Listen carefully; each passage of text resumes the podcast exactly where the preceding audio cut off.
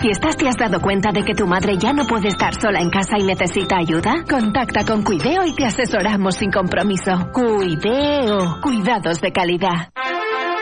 Si sientes que todo te va sobre ruedas y no quieres que ningún bache en el camino lo estropee, el seguro de coche de línea directa está hecho para ti. Además de ahorrarte una pasta, nunca te quedarás tirado, porque tienes coche de sustitución también en caso de avería. Cámbiate ahora y te bajamos el precio de tu seguro de coche sí o sí. Ven directo a lineadirecta.com o llama al 917-700-700. El valor de ser directo. Consulta condiciones. Ser Catalunya. La força de la conversa. Ràdio Manresa, 95.8 FM, 1539 on a mitja, cadena 100.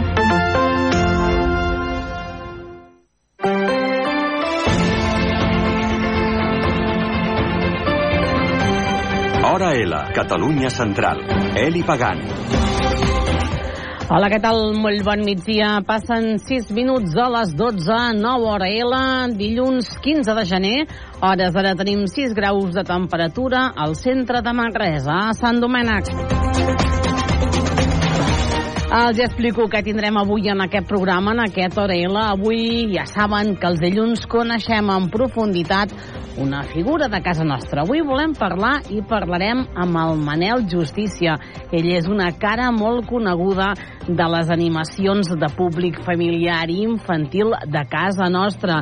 Ell, com dèiem, és animador, però també és pedagog. Ensenya a la universitat, en aquest cas a la U Manresa FUP. Avui coneixerem, doncs, aquesta doble faceta d'aquest manresà, d'aquest Manel Justícia, que és animador, però també es ensenya a jugar a les professores dels estudis de mestre de la U Manresa FUP. I avui també, com tots els dilluns, ens guardem també uns minutets de ràdio per anar concretament fins a la U Manresa. Avui nosaltres els volem parlar d'un nou projecte. És l'Impact Lab. I és que a partir d'ara la U Manresa ha començat a avaluar l'impacte dels espais de ciències en l'aprenentatge científic dels infants. Ja ho saben que la U Manresa té aquest Lab 06, aquest laboratori, que el que vol fer és afavorir la ciència entre els infants. Doncs bé, hi ha d'altres centres també a l'estat espanyol que tenen uh, espais similars i per això doncs ara la U Manresa vol avaluar quin impacte tenen aquests espais en aquests nens i nenes que participen d'aquests espais d'aprenentatge. Per això avui hem convidat en aquest hora i la Catalunya Central a la Montserrat Pedreira. Ella és la directora del grau de mestre en Educació Infantil de la Facultat de Ciències Socials de la U Manresa FUP. També ja ho saben, que abans de començar, abans d'entrar en matèria, toca fer repàs a l'actualitat de la jornada. I avui volem començar parlant de segregació escolar. Manresa és una de les poques ciutats grans de Catalunya on fins ara només hi havia una zona escolar. És a dir, l'alumne no tenia més punts pel fet de viure a prop de l'escola. Però aquesta situació canviarà a partir del curs vinent. El Departament d'Educació i l'Ajuntament de Manresa han creat zones escolars amb l'objectiu de lluitar contra aquesta segregació escolar. En concret, s'han creat sis zones per a primària i 4 per a secundària. Dels 27 centres que hi ha a la ciutat, 4 són d'alta complexitat i 7 de màxima. Trencar els patrons de segregació i ajudar que hi hagi un equilibri. Aquest és, segons l'alcalde de Manresa, Marc Eloi, el principal objectiu de la mesura que s'implementarà, com dèiem, el curs vinent. Marc Eloi. El problema que tenim a la ciutat és que hi ha centres amb un alt amb una alta segregació i centres amb molt poca, per tant no hi ha una equitat.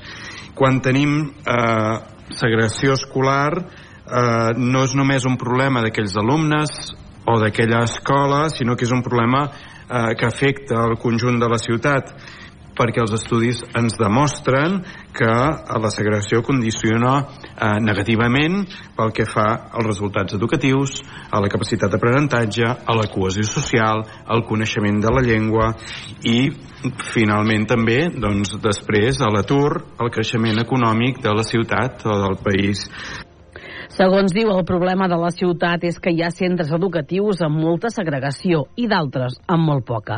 De fet, les xifres ho demostren. Per haver-hi un equilibri, els centres de Manresa haurien de tenir un 40% de, de segregació i, en canvi, hi ha centres que només tenen un 10% i d'altres que en tenen un 90%. Pol Huguet. Aquí no estem parlant de recursos econòmics específicament, que tenen, poden tenir veure, però sobretot de cultura, de, de de coneixements, etc. doncs té al costat un alumne que té menys capital cultural, doncs evidentment se'l passen d'un a l'altre, comparteixen aficions, comparteixen neguits, comparteixen converses, l'un explica que ha anat a un museu i l'altre, hòstia, sí, no hi ha anat mai a un museu, i després arriba a casa, pares, i anem algun dia, perquè ens entenguem, sí? Doncs això passa quan hi ha diversitat, quan hi ha heterogeneïtat, i això és el que volem, arribar a centres heterogenis, que tots els centres de Manresa siguin heterogenis. Um, i molts d'ells ja ho són, eh? molts d'ells ja ho són, però en proporcions eh, molt diverses.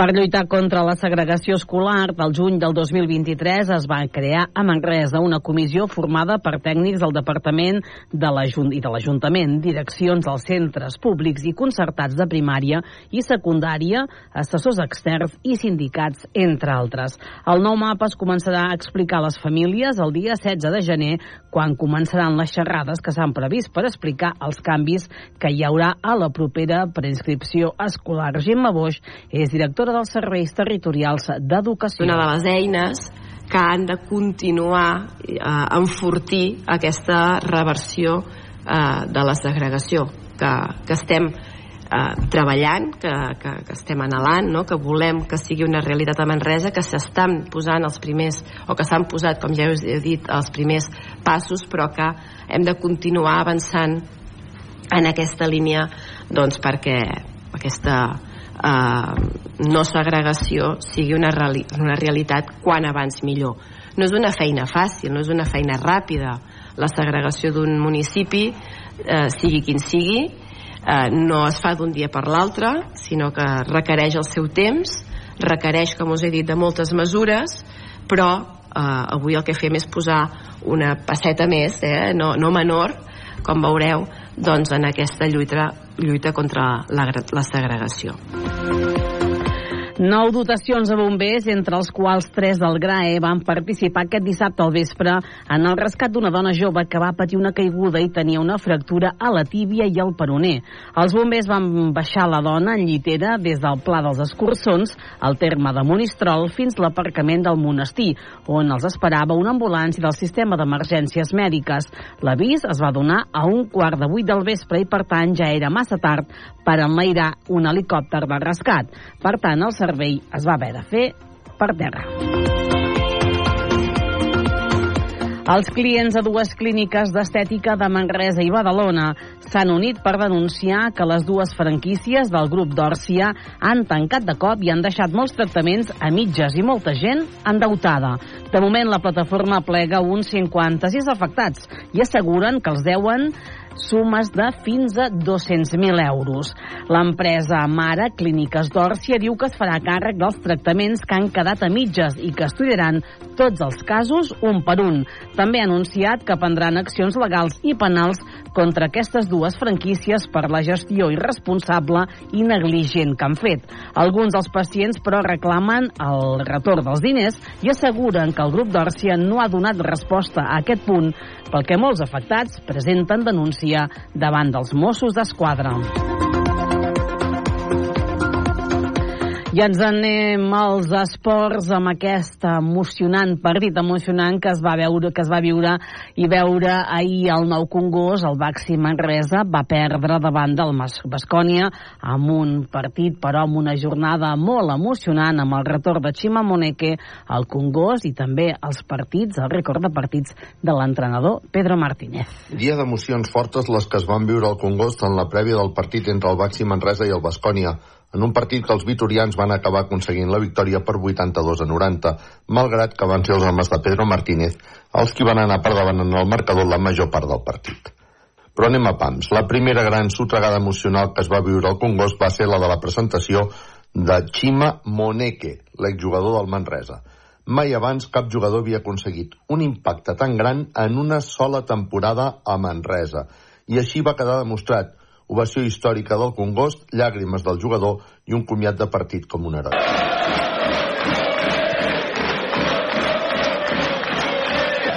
Acte seguit, la segona sotregada emocional, la celebració dels mil partits que Pedro Martínez ha dirigit a la Lliga ACB. La presentació es va fer davant una enorme pancarta amb la fotografia de Pedro Martínez i un recompte del seu historial de partits a la Lliga ACB de básquetbol. Sí, sí, sí. Bueno, ha sido una semana, digamos, difícil para mí por, por todo lo que, lo que la ha rodeado y bueno, mmm, agradecidísimo a, a, al club, a la afición, a, mucha más gente que, que, no es del Manresa, pero que esta semana pues me ha, me ha felicitado y, y, ya está. Y emocionado de, de la gente del Manresa, impresionante, ¿no? No todo, ¿eh? Todo. El recibimiento que le han dado a, a Moneque, después el, lo que han hecho conmigo, bueno, mi club, no puedo decir nada más. O sea, agradecidísimo i, i muy contento. Molta gent podia pensar que tanta celebració desconcentrés els jugadors, però res més lluny de la realitat. El Baxi Manresa iniciava el partit amb molta intensitat i aviat va començar a liderar el marcador, tot i que mai va aconseguir un avantatge còmode. Aquesta va ser la tònica de tot el partit, excepte en els tres últims minuts, on un parcial de 0-10 favorable al Bascònia, liderat per Howard i Moneke, va fer que la victòria volés cap a Vitòria. Alguns aspectes molt positius del partit, malgrat la derrota. El retorn de Juan Pibaulet, que va fer un partit extraordinari, i la recuperació de bon joc i encert que el Baxi no va saber trobar a Bilbao.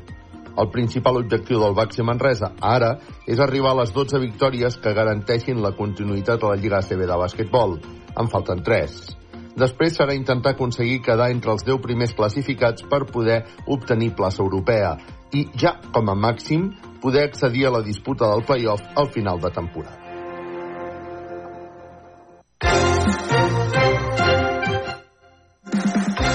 Anem per les portades. Comencem amb el diari Regió 7, que en la seva edició digital parla que els corriols del Bages atrauen un total de 465 ciclistes a la trentena edició de la Hivernal. També diuen que la primera sessió Manresa de cita ràpida sedueix 48 clovers. Va ser aquest cap de setmana i que l'accés nord a Castellvell pel pont queda tallat de, des d'avui dilluns i fins al mes de juny. Ens anem a l'equip Berguedà, bus Berguedà-Barcelona. L'abonament de 10 viatges puja aquest dilluns fins als 31,65 euros. El Nació Digital Solsona publica les imatges de la festa de Sant Antoni Abat d'aquest any 2014 publica les fotos Sant Antoni Bat de l'any 2014.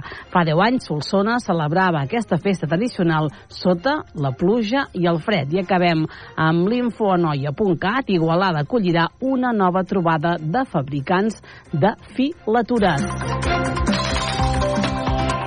Avui tindrem cels mig ennuvolats durant tota aquesta jornada de dilluns. A la tarda aquests núvols poden ser uh, més compactes i les màximes avui que seran una mica més altes que la setmana passada i poden arribar als 10 graus de temperatura de màxima avui a la Catalunya central.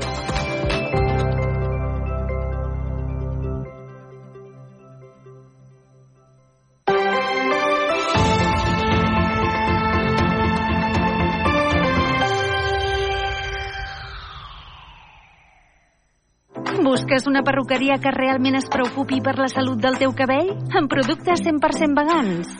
Núria Serratós de Perruquers. Perruqueria unisex i per a totes les edats. Núria Serratós de Perruquers. Amb un tracte familiar. Núria Serratós de Perruquers. El teu cabell t'ho agrairà. Reserva hora trucant al 93 874 43 64. Plaça Bages 14, primer primera Manresa. Núria Serratós de Perruquers, perquè el teu cabell ens importa. Hora L, Catalunya Central. Eli Pagant.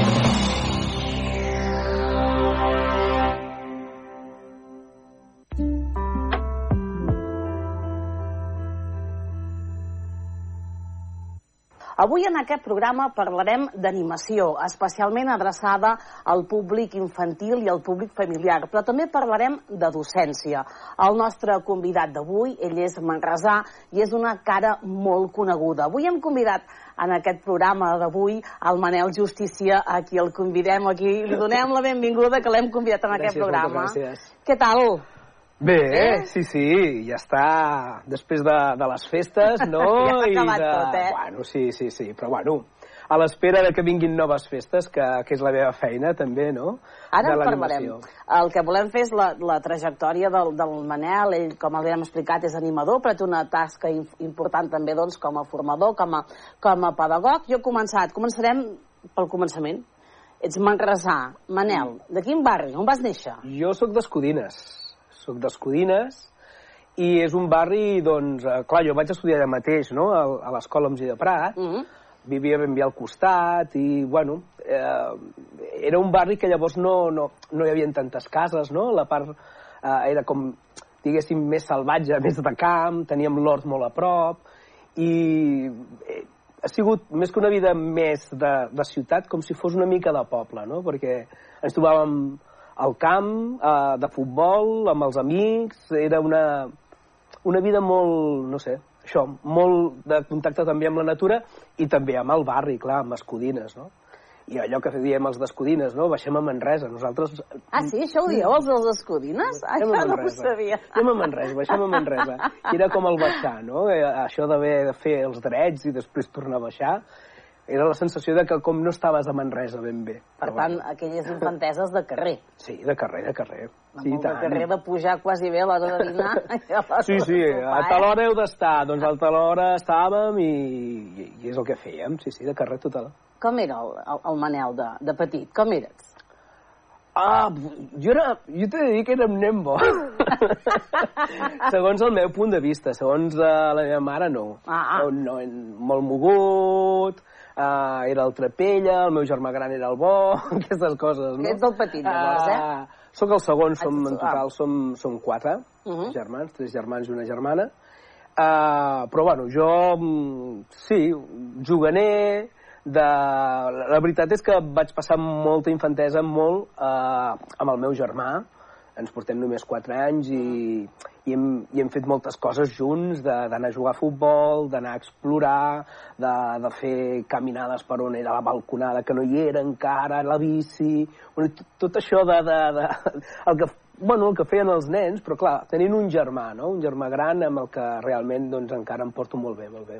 Clar, tot això ha canviat moltíssim, eh? Tota aquesta zona. Estem parlant escolines, ara que deies balconada que no hi era, diu. Exacte, que no hi era. Que fort, eh? Som molt grans, Manel, ja com Sí. que tenim la mateixa edat, Ai, ho podem, Sí, no, ah, ho podem dir. I què volies ser de petit? Jo de petit re, recordo que mm, jo volia ser, volia ser mestre. Mestre. Vull dir, a mi els, els mestres que he tingut realment eh, els, els admirava. És a dir, trobava que, que era molt maco això, no? el que feien de- d'ensenyar-nos, de, el que feien, no? I jo ja de petit tenia ganes de- de- d'això. De, ah, D'ensenyar. seré mestre, seré mestre, no? Però són d'aquelles coses que després, en l'adolescència, ho, no sé per què, ho oblides, no? I ho deixes com, com aparcat, sembla que tens altres interessos, no? Uh, I bueno, va passar que, que vaig començar una carrera que no, em, no em va acabar d'agradar i... Què era, Manel? Psicologia. Psicologia.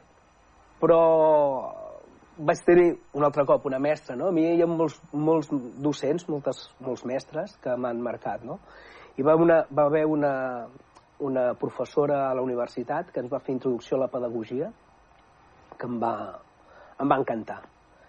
I llavors és allò que em, va tornar a recordar. Tu et volies dedicar a l'educació, tu volies ser mestre, no? I ja, com estava, el que vaig fer va ser canviar-me a pedagogia Uh -huh. per, per això, perquè em va, és que, no sé...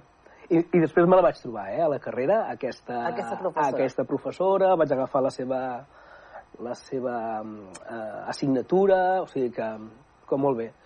I jo crec que al final es va redreçar, diguéssim, no? Vull dir que vaig, tor- vaig he, he, he acabat sent el que volia ser, que era professor, sóc docent, no?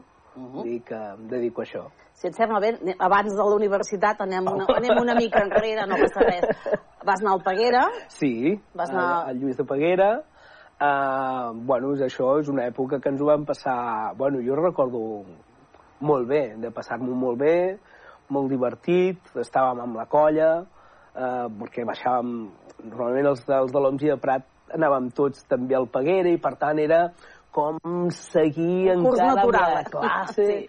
coneixes nova gent també, eh, però bueno, també recordo, no?, eh, com una època molt, per mi, molt, molt divertida, molt feliç, bueno, com tots els adolescents tenim coses, no?, però ara la recordo com també, no?, com professors eh, també que, que, ens van, que ens van marcar, no? Jo penso que sí, que jo tinc, tinc bon record dels professors de, del Peguera. Sí, sí, per Amb algunes entitats també, Manel, estaves hora 3, deies, eh, que, perquè jo segurament si ara algú li demanessin què era hora 3, algú et diria, què deu ser això, no? La Hora 3 era un moviment cristià Uh -huh. eh, de joves eh, a nivell de, de tota Catalunya, no? I es, eh, i es feies eh, des de cada parròquia. Jo, la parròquia que jo he tingut sempre ha sigut la seu.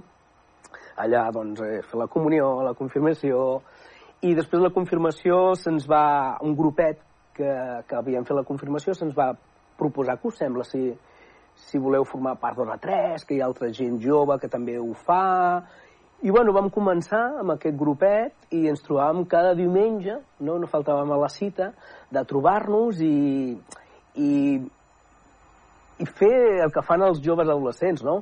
Xerrar, parlar molt, ens preparaven dinàmiques i tot des de, des de la fe cristiana i des de la, la religió, no? Però penso que, que va ser un creixement per tots, personal, molt important, no? També és una època en què et passen moltes coses i, i les coses que et passen també les magnifiques i, i són com el més important, s'acaba el món, no? Sí. Sort que això. Sí, sí, sí, sí, sí. Però clar, quan tens un lloc on pots parlar, pots parlar tranquil·lament, on tens gent que t'escolta a més a més, que és el que era aquest grup d'Hora 3, eh, doncs eh, pues, eh, això et fa que, ostres, confis en les persones, no? I diguis, aquí m'hi trobo segur, no? I llavors, clar, vam tenir gent caps que teníem, no? gent que, que portava, que és la que organitzava les dinàmiques, no? com el, el Salat o la Rosa Magrinyà, que, amb la que encara tenim relació, no? amb la Rosa, vull dir que ara fa poc eh, eh, ell està en un projecte de voluntariat Mhm. allà a Reus, no? I, i em va demanar col·laboració i, bueno, i vaig anar a explicar un conte i tot això, no? Vull dir que amb la Rosa encara tenim una relació de molts, molts anys. És que ens vam conèixer fa, pues, no sé, pues, els 17, 18 anys, ui, molt de temps. Però Hora 3 també va ser, sí, un espai que, que penso que el grup que érem, en, sí, com totes les coses, no? Tot, tot suma en, en el teu La procés. No? trajectòria personal de cadascú. Manel, parlem dels estius d'Osca. Ui, ai, clar, Òscar. Òscar, és que uh, ma mare és d'Òscar Mm. i uh, cada estiu anàvem a, a passar l'estiu al poblet de la meva mare. Que és? Novales. Mm -hmm. Novales. Uh, és un poblet molt petit, és un poblet uh, en el que, com molts pobles de, de l'Aragó, a l'estiu s'omple de tota la gent que ha marxat Mm -hmm. amb els seus fills, i és el que passava a l'estiu. Llavors hi havia gent que venia de Catalunya, eren los, los catalanes, estaven los catalanes, estaven los franceses, estaven... i llavors es reunia a l'estiu tot un munt de canalla, no? I a més a més el poble tenia riu i tenia piscina i... Eh, Bons records, i llavors, eh, Manel? I és una qüestió molt, molt això de també... O sigui, jo ja venia d'un barri que era de carrer, doncs aquí encara era no només carrer, era camp salvatge, no? I, i, i trobo que Osca, no?, i trobar-se també amb, amb la manera de fer dels aragonesos era, era molt interessant, també, de com parlen, l'humor que tenen, és, és una altra cosa, i penso que això també m'ha marcat i, i, bueno, és un lloc encara, on encara hi vaig. Encara és, hi continues anant, eh? I tant. Està molt bé, no perdré les, No. aquestes arrels. Manel, llavors, quan entres en contacte amb aquest món, podríem dir, de la- de l'animació? Perquè ho fas de jovenet. Als 18 te'n vas a la Carral a treballar o com va anar això? Ah, exacte, sí, sí, sí, sí. jo era un nen de carrer, és a dir, ni esplais, ni mijacs, això eh, no, no, tenia, no tenia ni idea què era, i, i els meus amics em sembla que tam, alguns sí que anaven al cau, però jo tampoc cap, cap interès, no? Però sí és veritat que el La Carral va ser el lloc on vaig fer directament de monitor. És a dir, Vas anar ja de monitor allà, de eh? monitor directament, amb els més petitons, amb els de 4 i 5 anys, no? Eh, amb, aprenent, és a dir, el primer any va ser ben bé d'aprendre, de fixar-me molt que feien els altres monitors, i a partir d'aquí, doncs, vaig passar 8 estius. 8 estius? 8 estius a la Carral, eh, sent monitor i sent cap de monitors, també, eh, passant-me un mes allà, sencer, eh, i alguna vegada més i mig. I, bueno, i vivint l'estiu això un altre cop, no? Piscina, camp, però amb, amb aquesta amb els infants, no? I amb la consciència d'estar de, educant. Però jo estava fent pedagogia. Ja Vaig començar psicologia, després pedagogia. Llavors, eh, i a més amb la gent que, que estàvem allà, els monitors que estàvem allà, érem molt conscients, no?, que estàvem divertint els infants, animant, però educant també, no? Estàvem, estàvem fent una, una tasca eh, educativa molt important, no?, d'estiu. No sé si que en aquelles èpoques hi havia tanta gent formada en el que seria en el lleure, també, eh? Ara aquí tenim el CAE, nosaltres, per exemple. Sí. No? Aquí a Manresa tenim Mm. un referent molt, molt No, important, Mira, eh? doncs, Però... pre precisament, precisament, eh, en, en el moment que jo vaig entrar al, a la Carral, van entrar molta gent jove, també nova, no? amb moltes ganes de fer de monitors, que no tenien la titulació. I va ser la mateixa Carral que va demanar al CAE si podia fer un curs especial per tota aquesta gent eh, allà mateix. I el meu curs de monitors el va fer el CAE, però a la Carral, d'una manera com intensiva, no? que també ens ho vam passar molt bé. Perquè, clar, a la casa el que li interessava és que estiguéssim formats i que ti- tinguéssim la titulació. I aquell curs també el recordo com el primer contacte que vaig tenir amb el CAE, no? com a escola de formació. I és allà, vull dir, així va ser com, com vam tenir la formació. Uh -huh. Uh, la primera és la Carral, llavors entenc que mentre estàs fent la pedagogia també vas, va- vas tenint relació, per exemple, amb el CAE, amb d'altres amb d'altres entitats també per, per, no? per, fer de, per fer de monitor. Manel. És que paral·lelament amb, amb la Carral, eh, precisament eh, la Rosa Porquet, que estava en aquell, que és companya d'Hora 3, eh, estava també a l'Esplai Vic Remei, uh -huh. no? com, a, com a cap, com a moni, eh, monitora. No? I, I em va demanar, ostres, ens falten monitors, tu et faria res venir els dissabtes a la tarda de voluntari? I jo, doncs, com havia tastat lo de l'estiu i m'agradava, dic, ai, doncs sí, per què no? I allà vaig estar pues, molts anys al, al Vic Remei com a monitor, amb un equip això també jove que començàvem, no? els monitors que hi havia no estaven deixant, necessitaven gent, gent nova, vam fer com el relleu gener generacional i després eh, això també, nosaltres vam plegar, vam anar a fer un altre esplai, en aquest cas a, a Cal Gravat, i vam deixar també el testimoni a altra gent no? de, del Vic Remei. Bueno, I el Vic Remei, pel que sé, encara va funcionant i em sembla que està funcionant molt bé, que té molta canalla i, i molta gent jove amb, amb moltes ganes, no? Hi ha algun fet que digui, clar, jo vull parlar del Manel Justícia també, doncs, d'animador, aquest Manel Justícia que nosaltres eh, veiem, eh, no?, Els, el, veiem al campi qui jugui, ara, de fet, Sí, no?, sí, sí. De, que, que, ara, que, que ha tancat portes, el podem veure el dia dels drets dels, eh, dels infants, Mm. també, que és una cara coneguda. Mm. Quan fas el pas, o què fa de dir, doncs, de ser aquest pa, no?, aquest de- d'animador, d'estar de monitor amb els nens i les nenes, a pujar dalt de l'escenari, perquè jo crec que, home, ja és diferent, no sé, com, com va tot això, Manel? Clar, a veure, la- l'experiència de, de fer d'animador i de, de dinamitzar els infants eh, eh, la faig a la Carral i a l'Esplai, no? I perquè ens agradava a tots dos llocs muntar molts shows i molts jocs i, i, i molt, no? I arran moltes coses. I eh, en aquest cas a l'Esplai Cal Gravat eh, vam muntar un joc de Nadal per les famílies i els infants, no? I arran d'aquest joc que vam muntar com si fos un joc de l'oca, però es deia el joc del tió, no? I que hi havia música, i, i era com si fos un programa de televisió, però res, sense càmeres, no?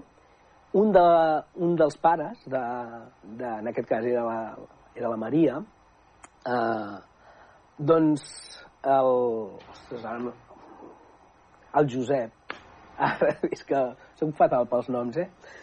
Uh, el Josep, que era animador i tenia el grup Xerric, uh -huh. uh, Josep Oliva, es va fixar i em va dir, ostres, una mica com allò, no? Te quiero en mi equipo. Va venir a dir-me això, i dir, et vull dalt de l'escenari perquè quan cantem, toquem en directe, però la teva part més clown, més de pallasso, més de capacitat de fer personatges, la, la volem a l'escenari, per donar-li un tom a l'animació que estem fent.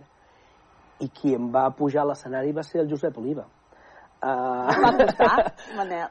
Pues no em va costar No et va gens. costar gens. Gens, gens perquè és que com em va donar tanta confiança, uh, jo m'agrada disfressar-me, m'agrada fer personatges i, i, i estracanades, doncs, clar, quan em diu no, sí, perquè facis de punky, perquè facis de, de pirata, perquè ara sortiràs amb una perruca, dic, pues, a vegades em convides, no? A més a més, amb el Josep eh, teníem aquest rotllo sempre que hi ha de, dels pallassos, no? Del el pallasso blanc i el pallasso eh, tonto, no? I, I aquests diàlegs i mm, vam introduir una manera de fer animació, no? Eh, punyent, és a dir, fem animació, però també ens agrada fer una miqueta de crítica social, de fer pensar la gent amb els acudits que dèiem, amb els personatges que sortien, no? I vaig estar bastants anys amb, amb Xerric, sí, sí, sí, fent animacions per, per, per aquí, per la Catalunya central. Hi ha algun moment que vola sol, el Manel Justícia, de dir, quan deixa el xerric i començo ja doncs, a, a volar sol? Ho, ho vaig anar compaginant, és a dir, manteníem la- l'activitat de, de Xerric, però com a mi també m'agrada molt explicar contes, inventar històries, no? Tot això sempre ho he assajat primer a, la, a les cases de colònies i a, i a l'esplai. I dius, bueno, potser ara, que ja tinc, tinc i, he, he agafat embranzida, doncs ara em puc eh, fer de contes, no? I, eh, doncs sí, vaig començar a explicar contes per les biblioteques. Vaig tenir també eh, la sort de tenir una gran amiga que és la, la Ruth Matamala, Uh -huh. que estava a la Unió Musical del Bages, i que celebraven Santa Cecília, que ho feien al, al, a, on, hi, ha- on hi havia el TDK, ara ja no sé el TDK, és el Manresa, no, més que és Manresa, no?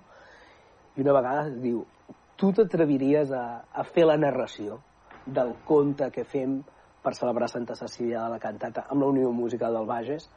I jo si alguna cosa mm, m'ha passat és que com que no? ah, doncs sí, no? Perquè quanta gent hi haurà? No, doncs hi haurà unes mil persones mirant. Ah, vale. Cap problema. Doncs, cap problema. Fem-ho. I, I, bueno, d'aquí eh, és quan jo em vaig enfrontar a això, sol, no? Vaig a fer sol una, una narració, una, una dinamització, perquè, clar, no t'ho perdis, a les mitges parts, en aquella època, es venien uns tiquets i es sortejava un pernil. Llavors jo també havia de vendre el pernil, saps? Vull dir, vinga, sorteig, va, va, fem el sorteig.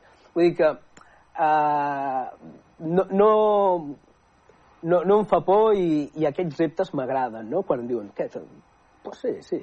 Llavors va ser això, a partir de Santa Cecília, que, que vaig veure doncs, que això de narrar contes, de ser presentador, de portar actes, era una, una capacitat una, que, que tenia i que, i que podia fer, no? Amb molt de morro que li poso, eh? Clar, ara parlava eh, de, de Santa Cecília, que podem parlar de les cantates, del canta xics eh, i del cursal, que clar, això neix com un projecte, suposo, primer.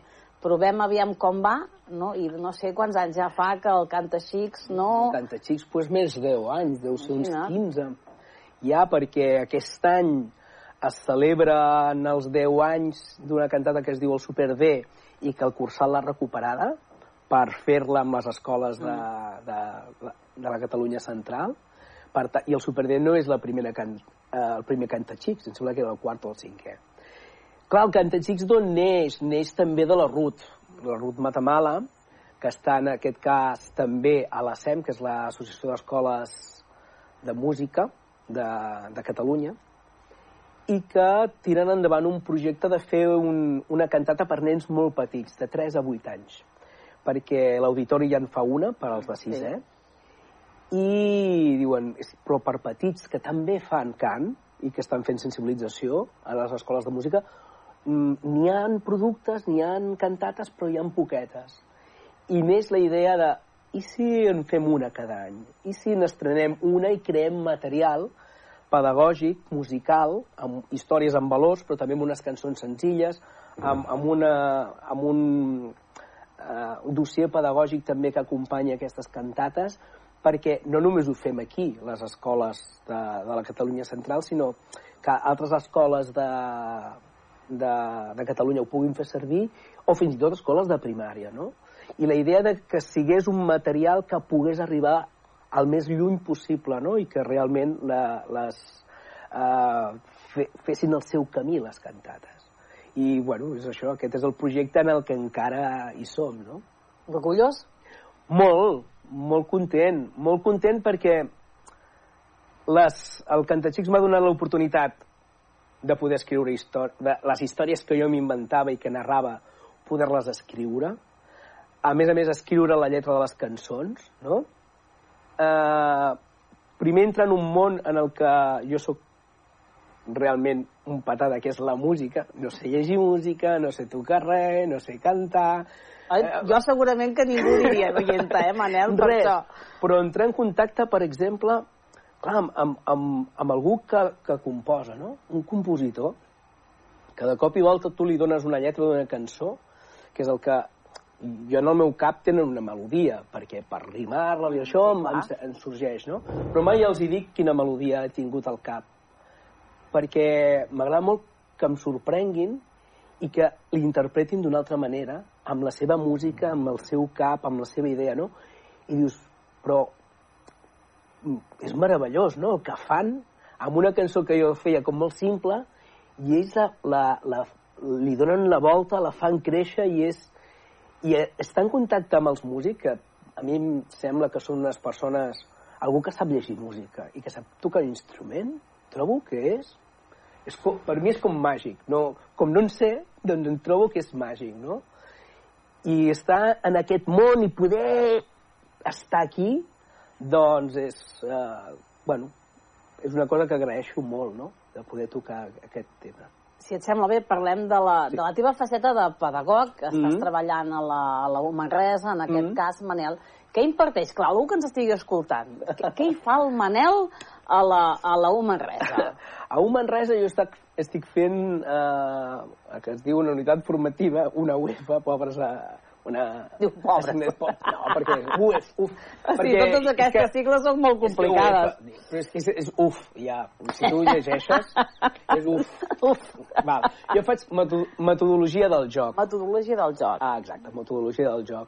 I llavors el que, el que fem amb les alumnes és conèixer quines són les bases pedagògiques del joc, la importància que té el joc en el desenvolupament infantil i aprenem recursos, o sigui, recursos eh, lúdics per tal de que les alumnes ho puguin aplicar en la seva, en la seva vida laboral no? com, a, com a TEIs. I per una banda tenim aquesta part més teòrica, però també una part molt pràctica de fer jocs, de jugar, de provar, de... Podem venir? De... Jo, quan, quan vulgueu, eh, veniu amb una, una sessió i de, de, de joc, no? Perquè um, és que la manera millor d'aprendre un joc és jugant-lo. Això és així. És a dir, jo et puc explicar un joc. Ah, vale, sí, està molt bé. Però si no el jugues, si no el vius, si no sents l'emoció que et transmet aquest joc, no l'aprendràs. I la manera d'aprendre un joc és emocionant-se amb aquest joc. No? Tots ens passa que hi ha algun joc que de petits recordem que no ens agradava. I és perquè ens ha transmès una emoció que no és gaire positiva o que recordem com no gaire bona per nosaltres. Però aquells jocs que ens han transmès una emoció positiva, sigui d'alegria com sigui d'una tensió, sigui... Doncs aquests jocs, no? Ostres, eh, els recordem i volem jugar. Doncs el joc al final és emoció. I eh, educació és emoció, també. És a dir, ens eduquem perquè ens transmeten un, un, unes emocions, l'educació. Si no, eh, no, no, no és només coneixements. I per això és tan important el joc. Clar, si fa uns anys, per exemple, algú li haguessin dit que estaries no? que per ser mestre no? Uh, havies d'aprendre, no? havies de tenir una assignatura que es diu metodologia en el joc, haguessin dit, uf, què diu aquest? Clar, no, no, jo quan vaig fer pedagogia d'això no me'n parlar. Jo tot el que sé de joc ho he pres en, en l'educació en el lleure, a l'esplai, a la, a la, a, amb les formacions que he fet al CAE, amb, amb, amb la Casa de Colònies, no? la Carral, eh, tots els campaments, i llavors veus que, ostres, és que això que estàvem fent al lleure, que era educar els infants a través dels jocs, uh -huh. ara ho estem traslladant a que a l'escola també s'ha de fer, no? Que, I per tant, mm, és molt important el joc, no? Al, algú ja ha vist, se n'ha donat, no?, de la importància que té el joc en el desenvolupament humà. Perquè sempre pensem en els nens. No, en el joc? Sí, sempre pensem sí, sí, en els sí. nens. Ah, el desenvolupament infantil... Sí, perquè els infants han de... Sí, sí, han de jugar. Però els adults no ens hem d'oblidar de jugar. Aquesta és la qüestió. No hem, no hem d'oblidar això. Quan ho recuperem moltes vegades? Ah, doncs a vegades es recupera per la gent gran, no? A la, als casals d'avis. Ai, no, doncs mira, farem jocs de memòria, farem jocs d'atenció, farem... No? I, I li veiem llavors al costat aquest més de... Per mantenir la memòria, mira, farem aquests jocs i juguem a jocs de taula, no? O juguen a jocs de taula. Uh, però això no ho hauríem d'oblidar. A vegades sembla que hi ha un període que tenim els adults que deixem de jugar, que sembla que no és important. Que no... Però, ostres, una persona que, que li agrada jugar en tots els seus moments de la vida, que té encara aquest esperit lúdic o actitud lúdica, no? Uh, com diu l'Imma Marín, una, una pedagoga i ludotecària, no? que segueixo, uh, ostres, és, és superimportant, penso jo, per, per estar com sa. És a dir, és que quan un juga s'oblida de tot. Estàs pel joc. Quan tu estàs jugant, Sí, sí, que t'oblides de tot, no, és veritat. Sí. no estàs pensant, ai, he d'anar a comprar, em falten iogurts a la nevera. o, f, calla, que eh, he de fer una trucada no sé on. No, no, no, tu estàs allà. És tan, tan... eh, Ara que està, bueno, no sé si està de moda encara el mindfulness, no està present. Vull dir, el joc és, una, és un mindfulness, però a més a més molt divertit. Perquè estàs allà. Tu estàs passant bé, a vegades malament, perquè estàs perdent, perquè jo què sé, t'acaben, estàs jugant un joc tan senzill com el parxís, t'acaben de matar. Sí, fa, fa mal, això. Fa mal. Fa mal. Però aquesta, però, eh, però aquesta rabieta la vius també com algú, pues ara, ara vindrà la venjança, ara, ara, ara veuràs, no? I no passa res, dins del joc ens podem venjar. Per sort hi ha el joc per fer tot això, no? Per, per poder sublimar totes aquestes emocions, per poder-les ja viure, però dins del joc. I quan s'acaba el joc, doncs ja està, no passa res. Vull dir, és tan important per això. Ens quedem amb aquesta frase, eh? que no, no hauríem de deixar mai de, de, de jugar. Manel, moltes gràcies per haver-nos acompanyat avui en aquest programa. Vale? Moltes vaig- gràcies a vosaltres per, per escoltar-me. Que vagi tot molt bé, a continuar animant, a continuar ensenyant i, i fins la propera. Val, perfecte. Gràcies. Molt bé, gràcies. I nosaltres, que la setmana vinent tornem amb un nou molt personal. Adéu-siau.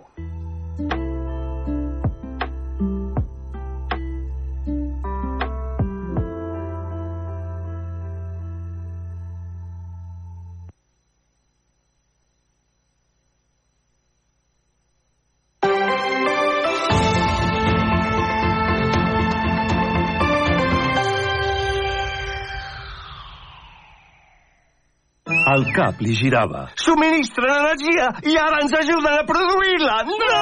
Doncs sí, i es diu autoconsum. Instal·lació, finançament i autoconsum compartit. Comunitats de veïns, unifamiliars i empreses. Benvinguts a la revolució energètica. Factorenergia.cat. Per fi hi ha un altre llum. Factor Energia. Empresa col·laboradora amb la Barcelona Equestrian Challenge.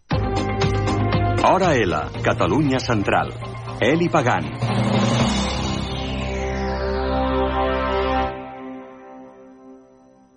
En aquest hora a la Catalunya Central, avui els volem parlar del Impact Lab. És un nou projecte que lidera la Manresa FUP i per això avui nosaltres hem convidat a la Montserrat Pedreira. Ella és la directora del grau a mestre d'Educació Infantil de la Facultat de Ciències Socials de Manresa. La saludem. Montserrat, Montse, molt bon dia.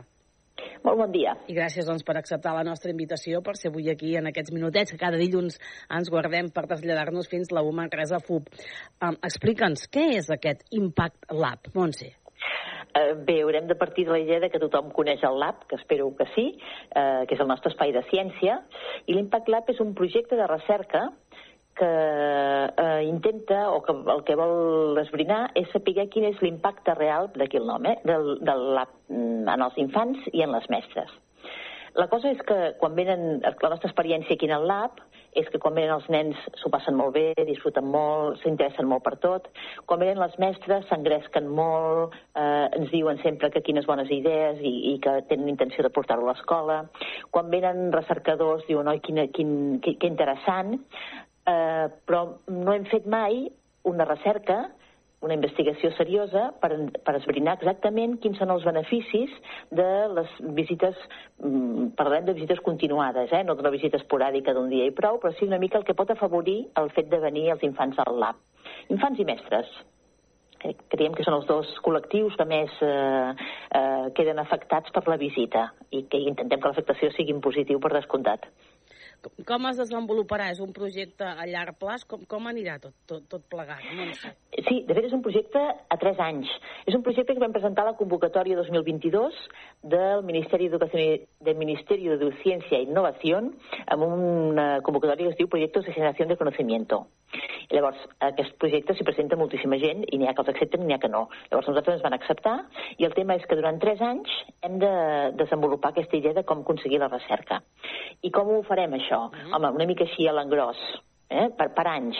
El primer any és l'any en què intentem esbrinar què existeix a nivell teòric sobre espais de ciència en educació infantil, com s'aprèn ciència d'educació infantil.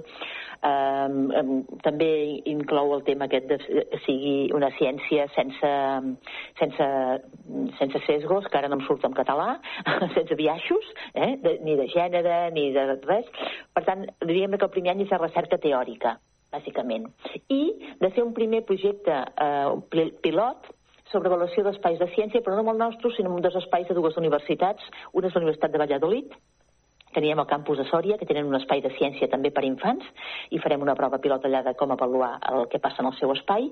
I és la Universitat de Saragossa, que també tenen un espai eh, de ciència, espai natura, i que també hi anirem.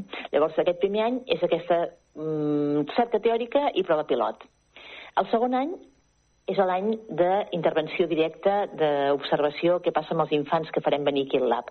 Estem en tractes amb una escola d'aquí del territori perquè puguin venir diverses vegades al llarg de l'any, eh, una o dues cada, cada trimestre, i anem recollint què és les accions, les interaccions, les, les verbalitzacions dels infants quan vinguin i també tenim també per descomptat la, el que la, la mestra anirà vivint a la seva escola a partir del que passa aquí en el lab.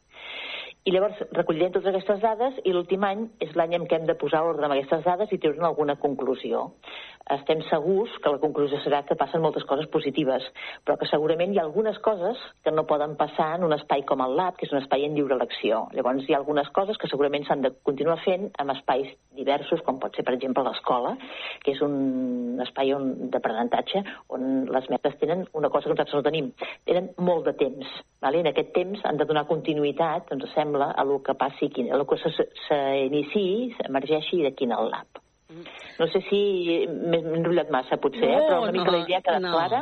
Uh, és a dir, uh, a priori, uh, tot indicaria no, que tots aquests, uh, totes aquestes accions que fa, tot aquest aprenentatge mm. científic, no, uh, els infants arriben a un impacte positiu. El que farà aquest sí. Impact Lab és uh, ratificar-ho, podríem dir-ho així. Exacte diguem que la nostra intuïció és que efectivament passen coses molt bones, però ara, a part de la intuïció, necessitem que hi hagi una evidència científica, i per això tenim aquest projecte de 3 anys. I, clar, demostrar que hi ha millores en l'aprenentatge dels infants, en la relació dels infants amb la ciència, que això no és senzill, eh? no és allò de dir, no, no, és que miro aquí quatre coses i ja està, no, no. Clar, estem parlant d'infants que són persones que... mm, sistemes complexos, a més a més en, en grups escolars que són sistemes encara més complexos, per tant, realment fàcil no és saber què aprenen o què, en, què, en què impacta. Però bueno, per això tenim aquests tres anys per intentar esbrinar-ho al màxim i que després, l'últim any també, això no us ho he dit, però clar, una cosa important és, és eh, donar a conèixer el, el, el resultat de la recerca, perquè si fem recerca i ens ho mengem nosaltres sols, mm. no té cap sentit. Eh? De fet, el, el Ministeri, la intenció és que tota aquesta recerca eh, acabi tenint efecte i tenint impacte també en la docència, eh, doncs que puguem traslladar-ho a mestres i puguem traslladar-ho a altres mm, universitats, per descomptat. Uh -huh. uh, deies, no? Potser hi ha coses, algunes coses que, que no es fan prou bé o que no tenen prou impacte. Intuïu què podria ser? Uh, potser No. seria... Digues. Sí, la idea no és que no es faci prou bé, sinó senzillament que com que la manera de funcionar del lab és en lliure elecció, és a dir, els nens venen, eh, trien allà on volen, estan l'estona que volen, eh, doncs, evidentment hi ha coses que amb aquestes situacions de contacte directe dels nens amb la, amb la realitat, hi ha coses que passen, però hi ha coses que no. Llavors, no, és- no és que sigui algo que puguem arreglar, i que també arreglarem coses, eh? Mm. sinó senzillament és identificar quin tipus d'aprenentatges es donen en aquesta situació de lliure elecció, quin tipus d'aprenentatges necessiten un altre tipus d'organització que l'escola pot donar. I llavors una mica això també seria, això és important que puguem deixar-ho amb evidències, perquè de fet les mestres també mm, no, no pensin a dir no, vaig a posar aquí un espai de ciència a la, a la meva aula, no? i que els nens vinguin i juguin i arribarà un moment que ja sabran, no sé, totes les teories. No, estem en un món on la ciència és cultura, les, les qüestions culturals no s'aprenen per, per, per contacte directe, sinó que evidentment s'han d'aprendre per contacte directe, però no amb la realitat, sinó amb, amb els companys i les persones que hi ha al voltant. Eh? Bueno, una mica aquesta idea, eh? no, no és tant què farem millor, què és el que no fem bé, que també mirarem de millorar tot el que sigui possible, sinó buscar, identificar ben bé què passa en un espai de ciència en lliure elecció i què no passa perquè es pugui compensar des d'una altra organització. Deies que, que anireu, eh? Deies, no?, que ens aniran a veure d'altres centres. Parlaves, eh, crec que és, de Valladolid i Zaragoza, però- i Zaragoza pot ser, si no m'equivoco, eh? De Zaragoza. Sí, sí, sí. Uh, són perquè aquests centres com vosaltres tenen un, un espai com, com, com, el, com el lab? Uh, Sí, de fet, aquests similars, centres eh? Hi ha professorat que van venir a participar d'un curs nostre i que a partir del qual hem fet molta relació i a partir del qual ells han muntat, perquè ho han considerat molt interessant, un espai de ciència, el que passa que el seu problema és que no tenen un espai fixe tot l'any, sinó que el munten eh, en, en moments eh, que els hi deixa des de la universitat. Eh? No sé si us ho he dit mai, però la universitat no és un context molt afavoridor de tenir nens al Ja. costat. Eh? sí, sí. Costa una mica, la nostra és una excepció realment, eh? I, però bueno, llavors elles a partir del contacte amb nosaltres han creat espais de ciència i el que farem serà fer la prova pilot de com avaluar els espais en els seus, en el de, el de Sòria, que és campus de Sòria de la Universitat de, Valladolid, i en el de Saragossa. I, bueno, això també té molt, molt d'interès perquè em permet que, bueno, ha sigut a partir d'una relació amb altre professorat que ho han vist interessant, amplien el que estem fent, fan coses... Bueno, vull dir que al final aprenem tots de tothom, que està molt bé. Clar, d'un, no, d'un, segurament algú fa una cosa que nosaltres podem fer servir Sí. i viceversa, no? És a dir, aquestes sinergies positives que es poden, que es poden compartir. La idea mare és la nostra, jo crec que aquesta idea del Lab 06 no, no, és, és, és de Manresa i no és en lloc més, vull dir, ja, ja està reconegut així, però és veritat que a partir de que la gent ho coneix, elaboren, evolucionen altres, altres eh, propostes, altres projectes que ens donen també molt de retorn a nosaltres, vull dir que al final és, bueno, aprendre dels uns dels altres és molt Uh, Montse, uh, l'Impact Lab, aquesta, no, aquest, aquest projecte, aquesta, aquesta avaluació, podríem dir-ho així, uh, perquè teníeu raó la necessitat de, de, de saber uh, uh, què, és el que, no, què és el que passa amb, aquest, uh, no, amb aquesta avaluació, què és el que concluireu? És a dir, teníeu Sí. per això fer-lo, per això en, sorgeix? Sí, sí, era una mica aquesta cosa que et deia, que tothom està molt content, tothom ve aquí, tothom, ai, que maco, que interessant, ens ho passem molt bé, que xulo, quantes idees de ciència, però eh, evidència científica no n'hi havia sobre el nostre projecte, per tant, ens sembla molt interessant, que val la pena fer-ho. I, de fet, aquest projecte també ens permetrà... El projecte va acompanyat d'una subvenció econòmica, evidentment. Llavors, ara el que farem serà millorar l'espai d'observació. Eh, pels que heu vingut alguna vegada al nostre lab, sabeu que tenim dos labs i entremig hi ha un espai d'observació que, sense que els nens ens veguin, podem observar què està passant. En aquest moment l'espai només podem veure però no podem escoltar què passa.